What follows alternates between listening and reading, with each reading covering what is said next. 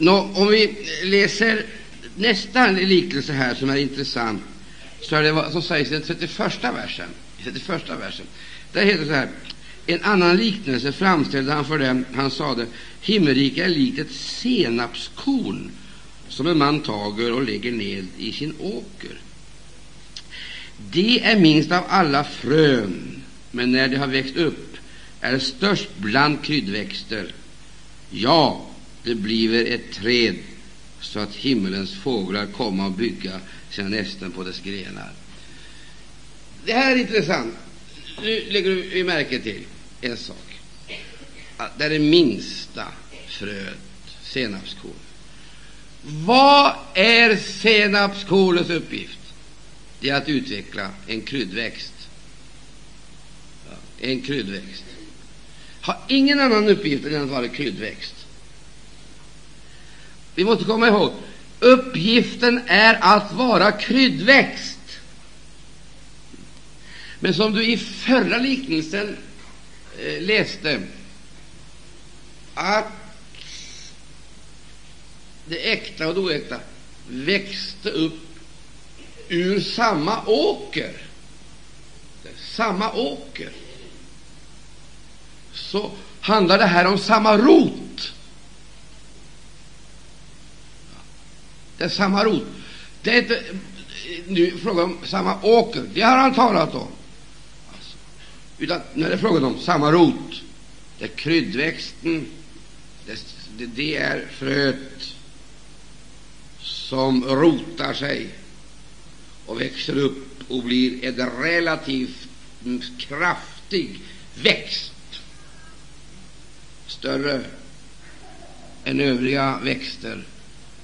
Men fortfarande, även då så att säga, kryddväxten har nått det stadiet, så är det inte avsett att vara någonting annat än kryddväxt. Då har det nått alltså det mål som är kryddväxtens. Men då händer det någonting.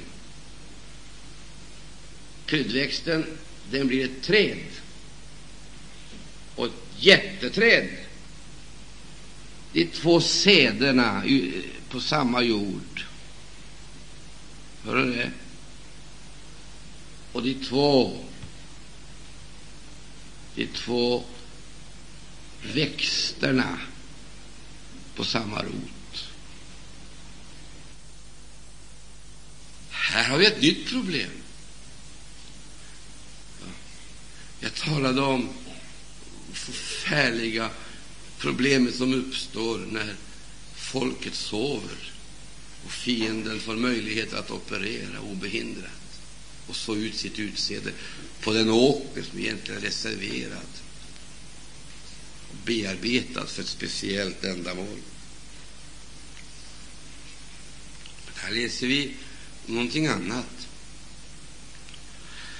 Här är det inte frågan om någon som sover.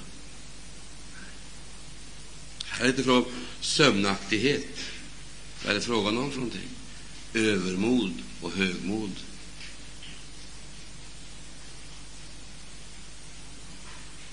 När inställer det sig? När man har blivit stor och vill bli större.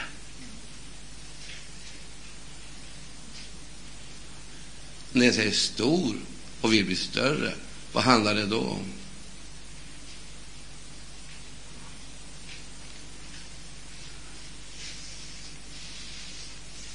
Handlar det då om?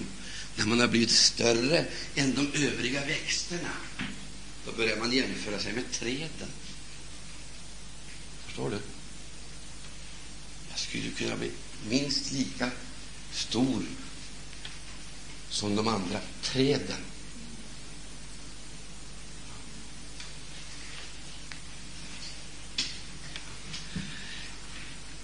Den första etappen den är ju helt naturlig.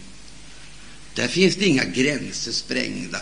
Där håller det sig inom ramarna för det givna och det lagbundna. Så kommer en ny jämförelse.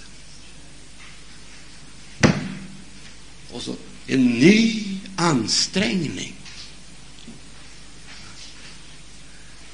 Man vill bli lika dem.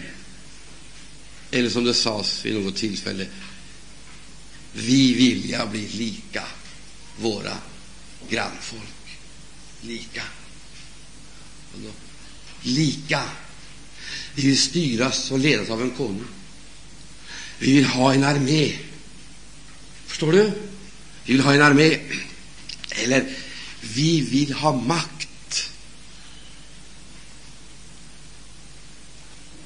Och så utvecklar sig det här och blir alltså så småningom en kraft, en explosiv kraft. Och den där lilla, det där lilla Philadelphia, ja, som det heter, Vera din kraft ringa, men du har inte förnekat mitt namn, det lilla Philadelphia. Det blir ett jättestort Laodicea. Som istället, istället säger Jag är rik, mig fattas intet. Det är en väldig skillnad mellan Philadelphia och Laodicea. En väldig skillnad. Men skillnad, skillnaden den visar sig De man har nått ett visst stadium i utvecklingen. Vad är det för stadium man når? Man når precis gränsen, tycker man. Det där alltså kryddväxten. Den blir större än andra växter, men dock mycket, mycket, mycket mindre än alla andra träd.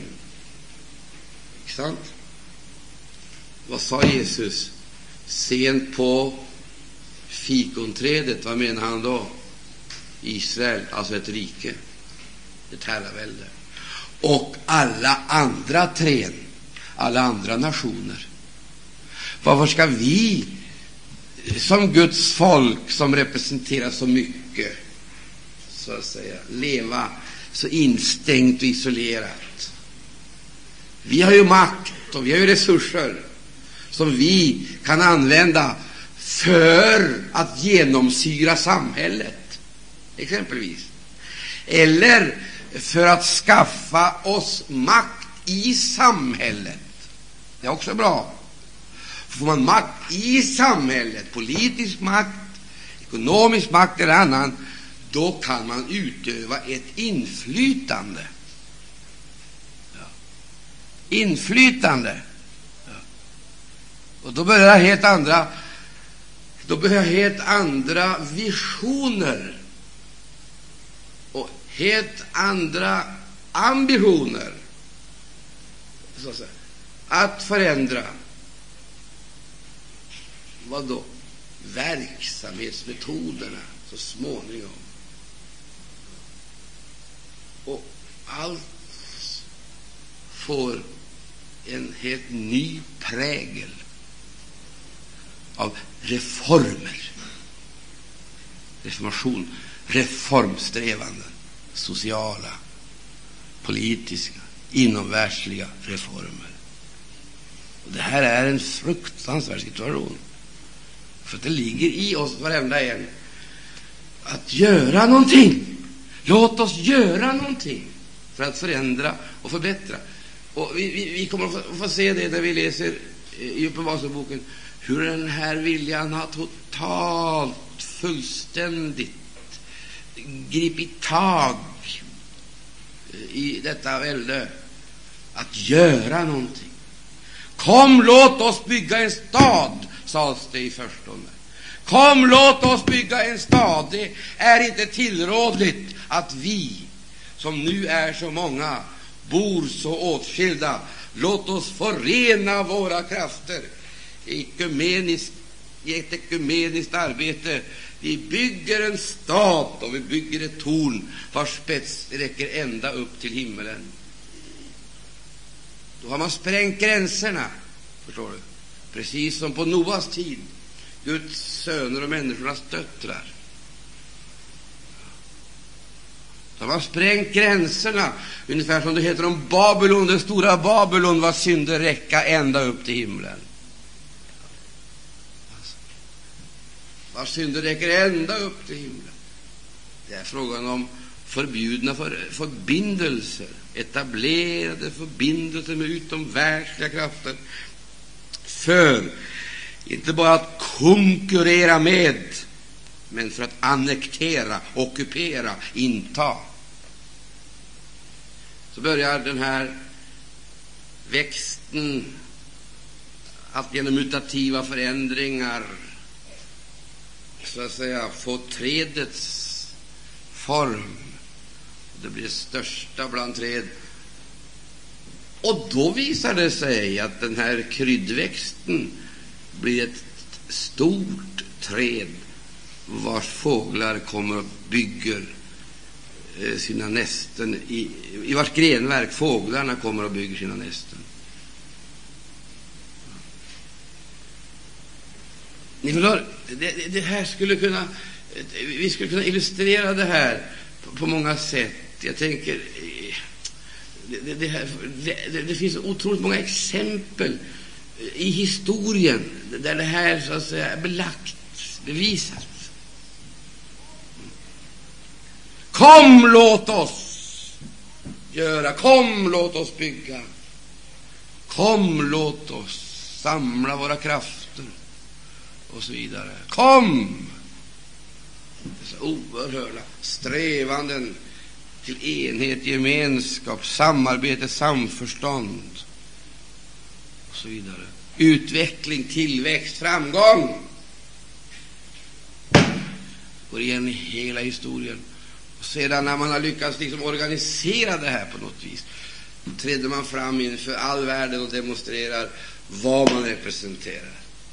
Och då är det en slags konkurrens, en uppvisning eh, som vill liksom hävda att vi är minst lika många som alla de övriga. Vi är flera, vi är mäktiga, vi är starkare, våra värderingar är betydelsefullare.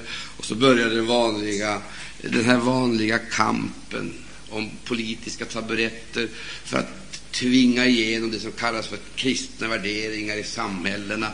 Och så har man kristna religiösa partier, jag vet inte allt vad som växer fram. Därför det skedde en förändring, växten blev någonting annat än vad det var bestämt från början. Men det var samma rot. Du, nu ska jag säga dig en sak, min älskade vän. Jämför väckelserörelserna. Ta och läs pingströrelsens budskap på 20-talet och jämför det med vad som presenteras idag så kan du bara utav det här seklets mest markanta och påtagliga väckelser. Se hur kryddväxten blir ett jätteträd som omspänner hela jorden. Och idag talar man världsspråket, maktspråket, i politiska, sociala termer, men sällan i andliga termer. Och man talar i andliga termer så menar man egentligen något annat än det man gjorde från början. Jag vill säga det här en gång till. Det var bra så länge växten förblev växt, den lilla kryddväxten. Den växte upp och den blev stor. Man blev många.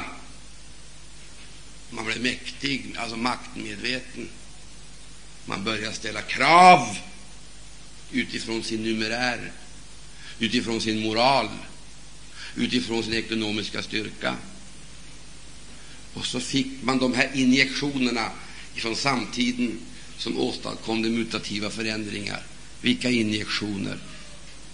De injektioner som exempelvis ekumeniken ingav i de här oerhörda tankarna.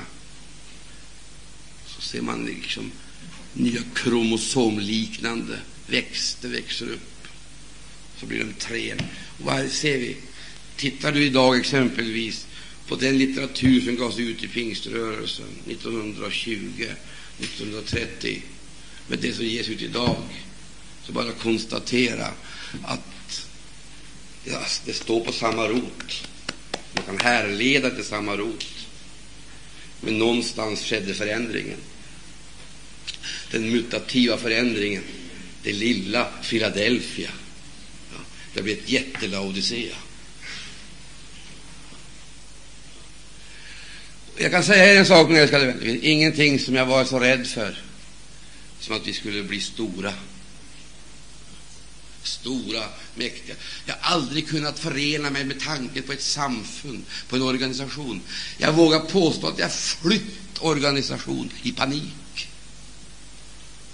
För jag vet, organisationen har sin egen dynamik. Släpper du loss den, så kommer den att genom sin byråkrati ta väldet. Och lyssna här. Det här är så typiskt, förstår du. Lyssna noga till vad jag säger. Det som, det som nödvändiggjordes kanske under en tid av expansion, en nödvändiggjordes under en tid av expansion av förordningar och ordningar. Det blir så betungande i ett stadium då det exempelvis är fråga om, om återhämtning, så att man istället för att vårda det inre livet måste satsa alla krafterna för att klara de yttre formerna. Det klarar man vanligtvis inte med de här enkla offermedlen och enkla bönemedlen och så vidare. Då måste man söka andra metoder för att klara av de yttre anordningarna. Och då blir det kommers eller subventioner, men knappast offer. Därför att när man har nått det stadiet, då har man liksom kommit bort ifrån offerlivets hemligheter. Och då ger man av sitt överflöd. Och så engagerar man sig på sin fritid. Och det här tycker jag är så fruktansvärt allvarligt. Så jag, jag, jag har tackat Gud många gånger för att han har slagit sönder oss. Ja, att det inte blir någonting som fåglarna kan bygga bo i. Ingenting för fåglarna, för vad fåglarna får inte är villfarelserna som auktoriseras genom förvärldsligade och sekulariserade kyrkosamfund som står på väckelsens rot. Och som hämtar näring, så att säga, hämtar näring ur sin historia och ur den jord som den en gång placerades på. Hämtar näring, men tjänar helt andra syften.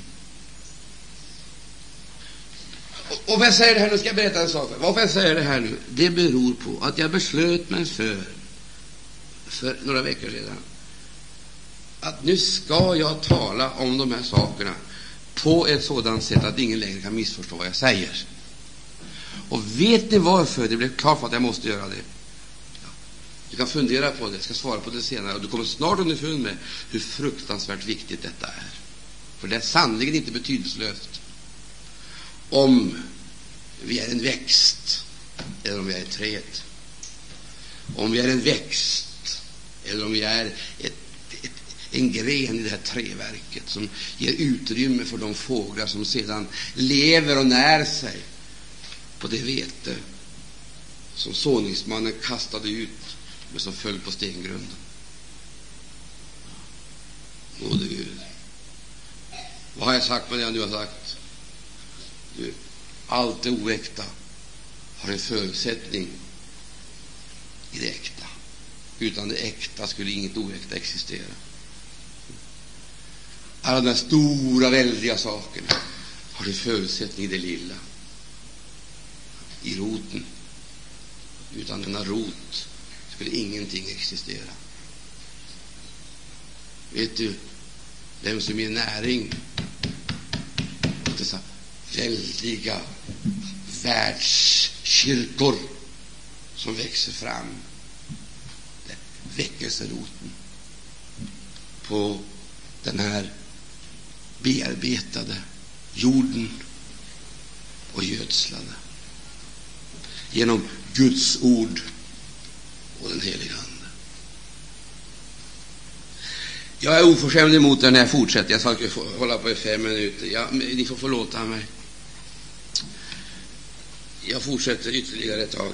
Därför att i det här sammanhanget så tar Jesus upp ytterligare en sak som eh, på ett så påtagligt sätt eh, belyser ytterligare en eh, betydelsefull del eller sida av det här. För att eh, han säger i 33 versen, en annan liknelse framställde han för dem. Himmelriket, himmelriket är likt en surdeg som en kvinna tar och blandar in i tre skeppor mjöl till dess allsammans blivit syrat. Ja. Och nu har jag talat om åkern, det äkta och det oäkta. Och jag har talat om växten som blir träd. Åkern, båda stod på samma åker, båda på samma rot. Och nu handlar det om, nu handlar det om surdegen som en kvinna tar. Och nu vet vi att det är vanligt att kvinnan har surdeg. Det är ju inte mannens syssla i och för sig. Det är från hemmet. Det är fråga om hemmet. Det är alltså en kvinna i sitt hem som tar surdeg och så kastar hon den här surdegen i tre skeppor mjöl till dess alltsammans blir syrat. Det här är väldigt, det här är väldigt onaturligt. Mycket onaturligt. Vad är surdeg för någonting? Surdeg är ingenting annat än gammal deg. Vad gör man med degen? Antingen så gräddas degen i ugnen, eller så går den och, och så lagras den till surdeg. Antingen så gräddas, eh, gräddas degen i ugnen och blir bröd för den hungrige, eller så magasineras det och blir surdeg. Och vad är surdegen för någonting? Det är ingenting annat än en del av degen. Det är bara det att den är tillräckligt, den är tillräckligt gammal. Man blir inte surdeg genom att göra någonting. Det blir man inte. Man blir surdeg genom att få bli som man är. Förstår du? Enda sättet att bli bevarad från surdegens effekter det är att bli, att genom förnyelse bli det man ska vara och inte stanna vid det man är. För att ett faktum är att det, det talar om surdeg i mjölet, så kastar man inte surdegen i mjölet i och för sig, men här gör man det.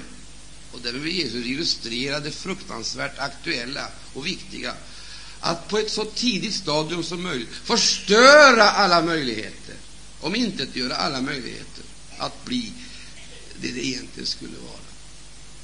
Och det står inte att kvinnan tog all surdeg som fanns på jorden och kastade det in i allt mjöl som existerade. Det gjorde hon inte.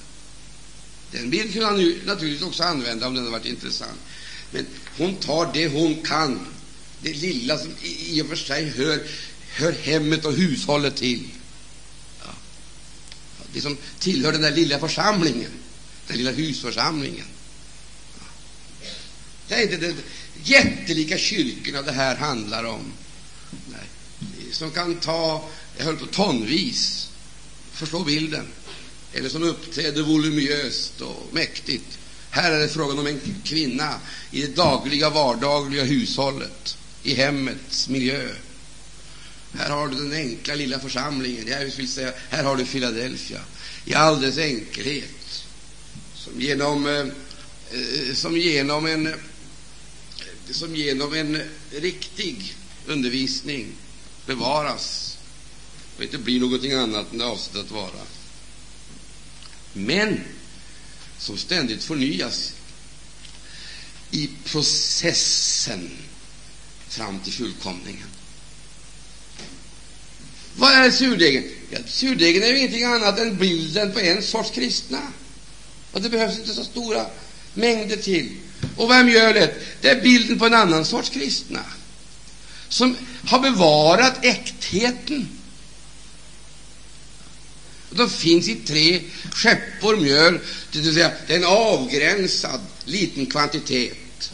Tre skeppor, det handlar väl om spisoffret i Gamla testamentet. Ett offer. Det var avsett för Herrens räkning och avskilt för Guds räkning så kommer den här, tar tag kvinnan, surdeg, och så slänger hon i. Så gör hon någonting som naturligtvis inte var avsett. Vad då? Hon omöjliggör den fortsatta processen. Omöjliggör fullständigt. Vad händer? Mjölet blir surt. Mjölet blir surt. Det innebär att varje liten mikroskopisk del, varje, det, det är ju sönderkrossat. Det ligger ju inte i, eh, i ax eller i, Det är ju inte längre fråga om vete, ax. Det är fråga om malet, det pulveriserat, krossat.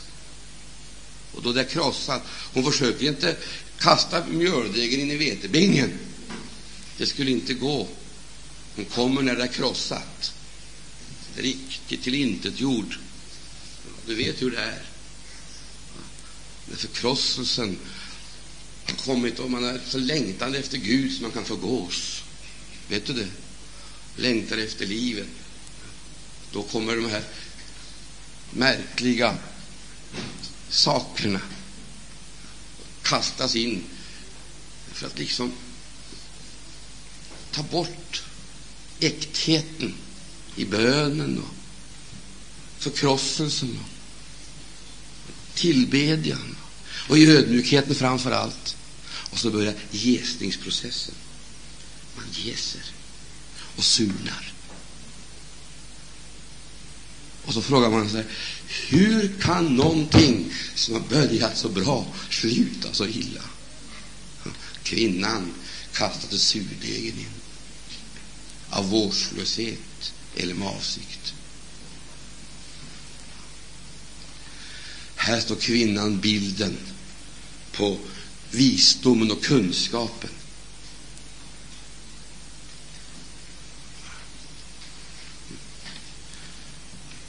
Vilken visdom och kunskap. Jag höll på att den lagrade, konserverade. Den som har blivit sur. Ni måste medge att det är så lätt att surna. Det är väldigt lätt, förstår du, när allt är sönderkrossat. Och det finns inom ett litet, litet område, i bara några krukor, några skeppor. Och jag har sagt till Gud, Herre, det är så lätt att surna. Du måste medge det. Så lätt att be felaktiga böner. Nu har de varit där igen, den här hemska, och så har de slängt in surdeg. Man hör det på bönerna och vittnesbördet, och ödmjukheten går liksom förlorad. och blir en slags bitterhet. Nästan, nästan, nu ska vi ta revansch eller någonting i den där stilen. Väsensfrämmande. Vad är det för någonting? Det är gammal deg som magasinerats i förrådet istället för att gräddats i ugnen.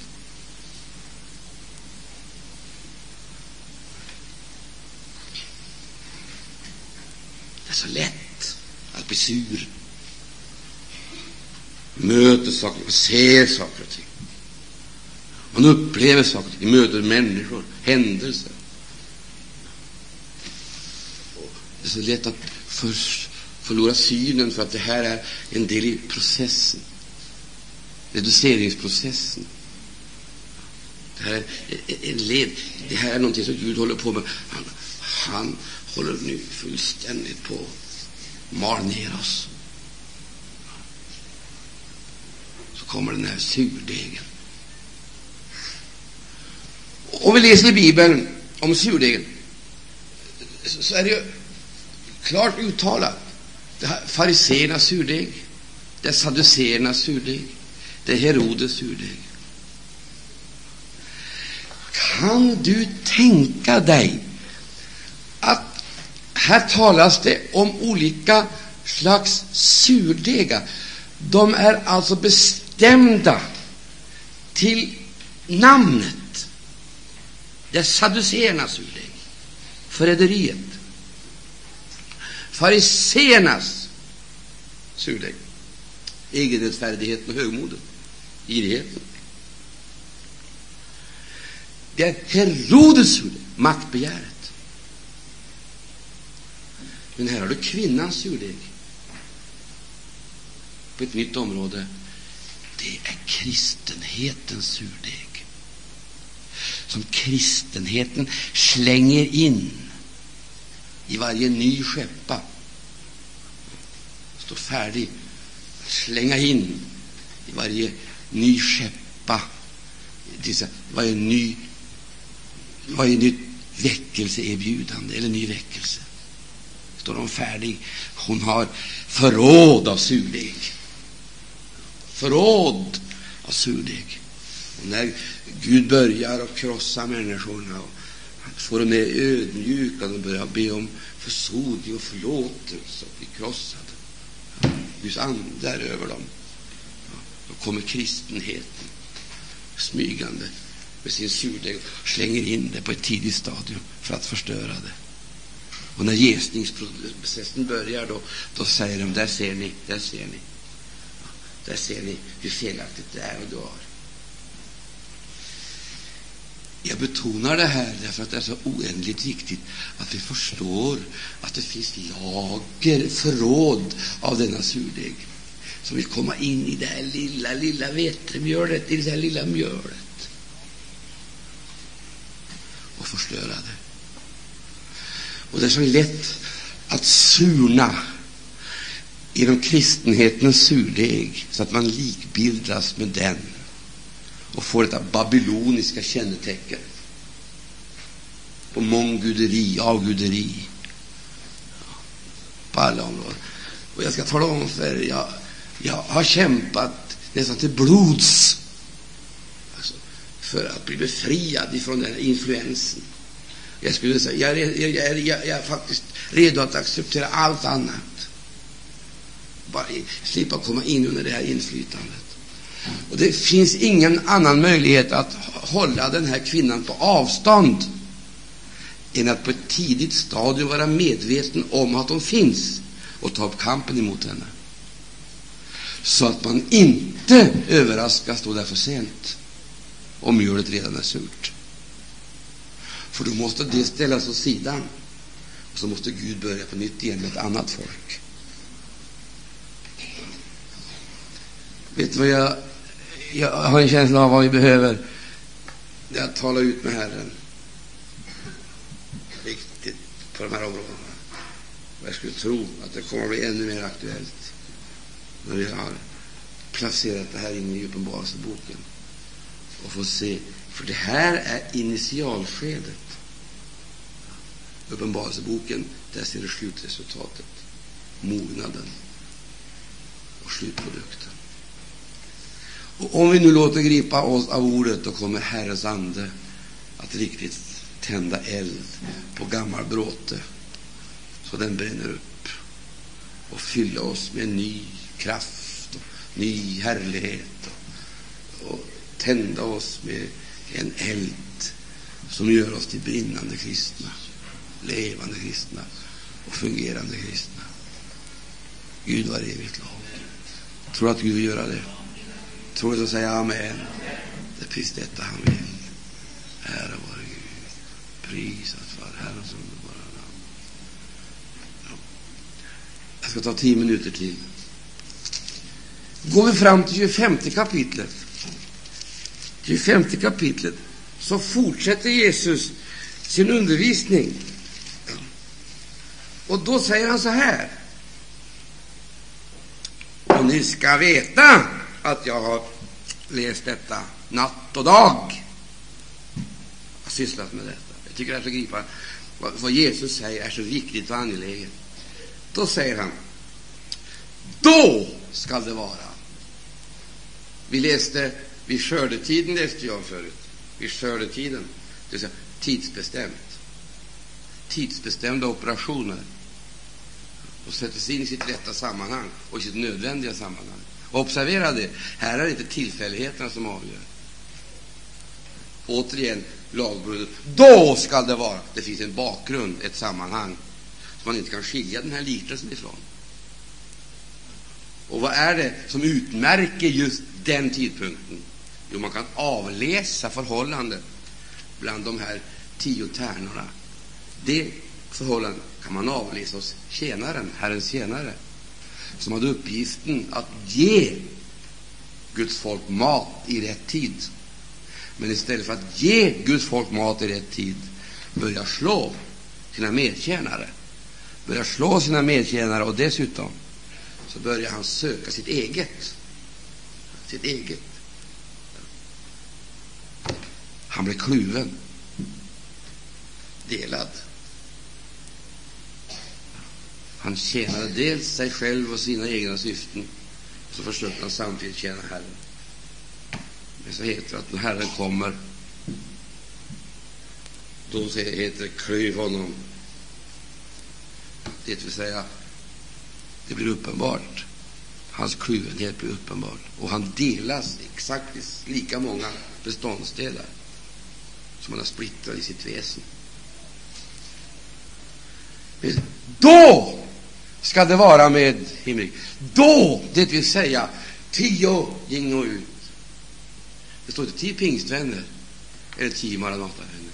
För det handlar inte om pingstvänner och Maranatavänner, det handlar om kristenheten.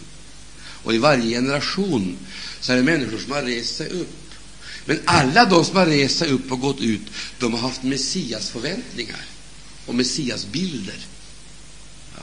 Lutheraner har haft Messias förväntningar Messias bilder. Baptister. Och alla har haft sitt advent. De har sagt se, konungen kommer. Men några har haft ett överflödsmått av andras liv, och andra har haft brist. Vad beror det på? Nivåskillnader. Nivåskillnad? Vad heter det? Därför att du är ljum ska jag utspy dig ur min mun. Ljum, det är inte kall, det är heller inte varm. Ljum, det handlar om grader av energi, men inte tillräckligt med energi. Du har energi, kristna eller troende, som har haft energi att bryta upp, att gå ut, tagit upp kampen. De har haft energi till att göra saker och ting som var varit typiska eh, för dem som velat följa Jesus. Men de har inte haft kraft till uppryckelse. Energi för vandringen, men inte för uppryckelsen. väldigt många som är med i tåget ut. Många har Kristusföreställningar och Kristusbilder. De har fått baptisternas Kristusbild och de har fått den Kristusbilden, men de har inte sett fullheten. Fullheten. Och eftersom de inte har sett fullheten har de heller inte känt sig uppfordrade att övervinna försumligheterna. För vad är det som gör att man är försumlig? Det är bristande energi. Det vill säga, när du inte har tillräckligt med energi, då, säger, då lägger vi det åt sidan. Då orkar vi inte med det. Och har du tillräckligt energi, då säger du, nu lägger jag det här åt sidan, för då orkar vi inte med det. Då lägger du saker och ting åt sidan som du menar inte är så viktiga, i varje fall för just det ögonblicket så lägger du det åt sidan. Du har inte tillräckligt med energi. Du har kanske tröttnat. Eller du har fått en del, men du har inte fått fullheten. Därför att tjänaren var kluven, så han gav dig en del, men inte helheten. Kristusbilden var stympad, beskuren och begränsad. Den uppfordrade icke att vara som var en ivrig att undfå de andliga gåvorna. Står det inte så? Men var finns den ivern någonstans? Faren efter helgelse. Utan helgelse skulle ingen se Gud. Var finns den ivern någonstans? Var ni ivriga att undfå? Var ni ivriga? Ivern. Det är bristande iver som markerar för liten energi alldeles för liten energi. Man är inte medveten om det. Och därför nöjer man sig med ett halvdant. Eller man nöjer sig med något mindre än det man måste ha. Även om man klarar vandringen tillsammans med de andra, så klarar man inte uppryckelsen. Vad är det som ska göra att vi blir uppryckta? Det står den ande som bor i oss. Står det inte så? Står det så? Det är den ande som bor i oss som ska förvandla vår förnedringskropp och som ska ikläda oss härlighetskroppen. Stämmer det så säger jag amen. Den ande som bor i oss. Det, vi har Kristusbilder och vi har Kristusideal och vi har gemenskap och vi följer med och vi har vårt advent och vi predikar konungen kommer. Alla väntar på konungen. Den ena på det ena den andra på den andra sidan och är i rörelse och i aktiviteter, i arbete, i mission och annat arbete. Men energin räcker inte till för uppryckelsen. Därför att man känner inte så speciellt angeläget och nödvändigt. Ivern, faren efter, söken av hela hjärtat. Så prioriterar man på fel sätt och tror man bara jag gör si, jag gör så, är med i verksamheten, gör på det här sättet, då blir en god kristen. Så förstår man inte att det som är nödvändigt är att man har livet i Gud, överflödslivet. Mina vänner, svara mig frågan, vad ska jag ta som är typiskt för just detta överflödsliv? Vad säger jag tillbedjan är det? Då kan vi göra också tillbedjan till en slags formel. Säger jag tacksägelsen är det, då gör tacksägelsen till en formel. Jag, jag skulle nästan vilja säga så här, det finns inga möjligheter att hitta på någonting som är speciellt typiskt. För ett faktum är att det som rör detta liv, det är inte det som syns i skaran, men det är det som visar sig i uppenbarelsen. Man kan inte, för det visade sig alldeles när, brud, när ropet göds brudgummen kommer. Då visade det sig att oljan saknades. Och där är vi tillbaka vid utgångspunkten. Det var vid mognaden man såg skillnaden på det äkta och det oäkta. Inte början, inte tillväxten under processen, men på slutet. Så är det här också. Frågan är, har vi liv? liv? Inte liv att klara av mötesverksamheten. Har vi liv? Inte liv att vara med i den religiösa verksamheten. Ehm, inte liv för att vara med i offerinsatsen och det vanliga själavinnandet. Men har vi liv och energi för uppryckelse. Söker vi liv för att bli själavinnare jag har en känsla att vi aldrig kommer att nå fram till det. Men om vi som Paulus sträcker oss fram för att nå fram till uppståndelsen från de döda, då kommer själavinnandet som en naturlig följd. Till det korta perspektivet, närheten till Jesus Kristus, kommer att tvinga fram vittnesbörd om honom. Tror du inte det? Där ligger själva grundproblemet. Då Jesus blir levande, hans tillkommelse verklig, då är det inte svårt att vittna om Jesus. Stämmer det inte? Då Jesus blir levande, hans tillkommelse, tillkommelse levande, då är det inte svårt att vara med i mötena, vittna, tjäna. Då känner man, att jag måste vara med. Men till sist, nu lovar jag absolut säkert att jag ska sluta. Vad handlar det här om? De tre liknelser som jag tidigare har behandlat det handlar om organismen, det organiska livet och naturens lagar. Här handlar det om tio jungfrur som tog. Här är det fråga om rörelse, aktiviteter, vandring. Prioritera rätta saker, rätta uppgifter på ett rätt sätt. Medvetenheten om att Jesus kommer kommer att hjälpa oss att leva i denna känsla av uppbrott, hemfärd. Och vi kommer vid varje tillfälle, höll jag på att säga, att pröva oss. Är vi redo att möta honom? Och vaka över att vi har livsöverflödet. Hur ser din livsstil ut? Hur ser mönstret ut? Hur ser din gudstjänst ut? Hur ser det ut med avseende på ljus, värme och energi? Jag frågar inte vilken bild du har, vilken, var du har fått någonstans. Jag frågar, har du kraft för uppryckelse och hemfärd? Har du kraft för uppryckelse och hemfärd, då vågar jag, då har du också kraft för vittnesbörd och tjänst. För där ligger hemligheten. Där börjar det. Amen. Tackar dig, kära Herre Jesus Kristus, för ditt eget ord. Vi lovar dig, kära Herre Jesus Kristus, för dina egna löften. Du är trofast. Du är trofast. Du är trofast. Tack för syskonskaran här. Tack att du väcker oss.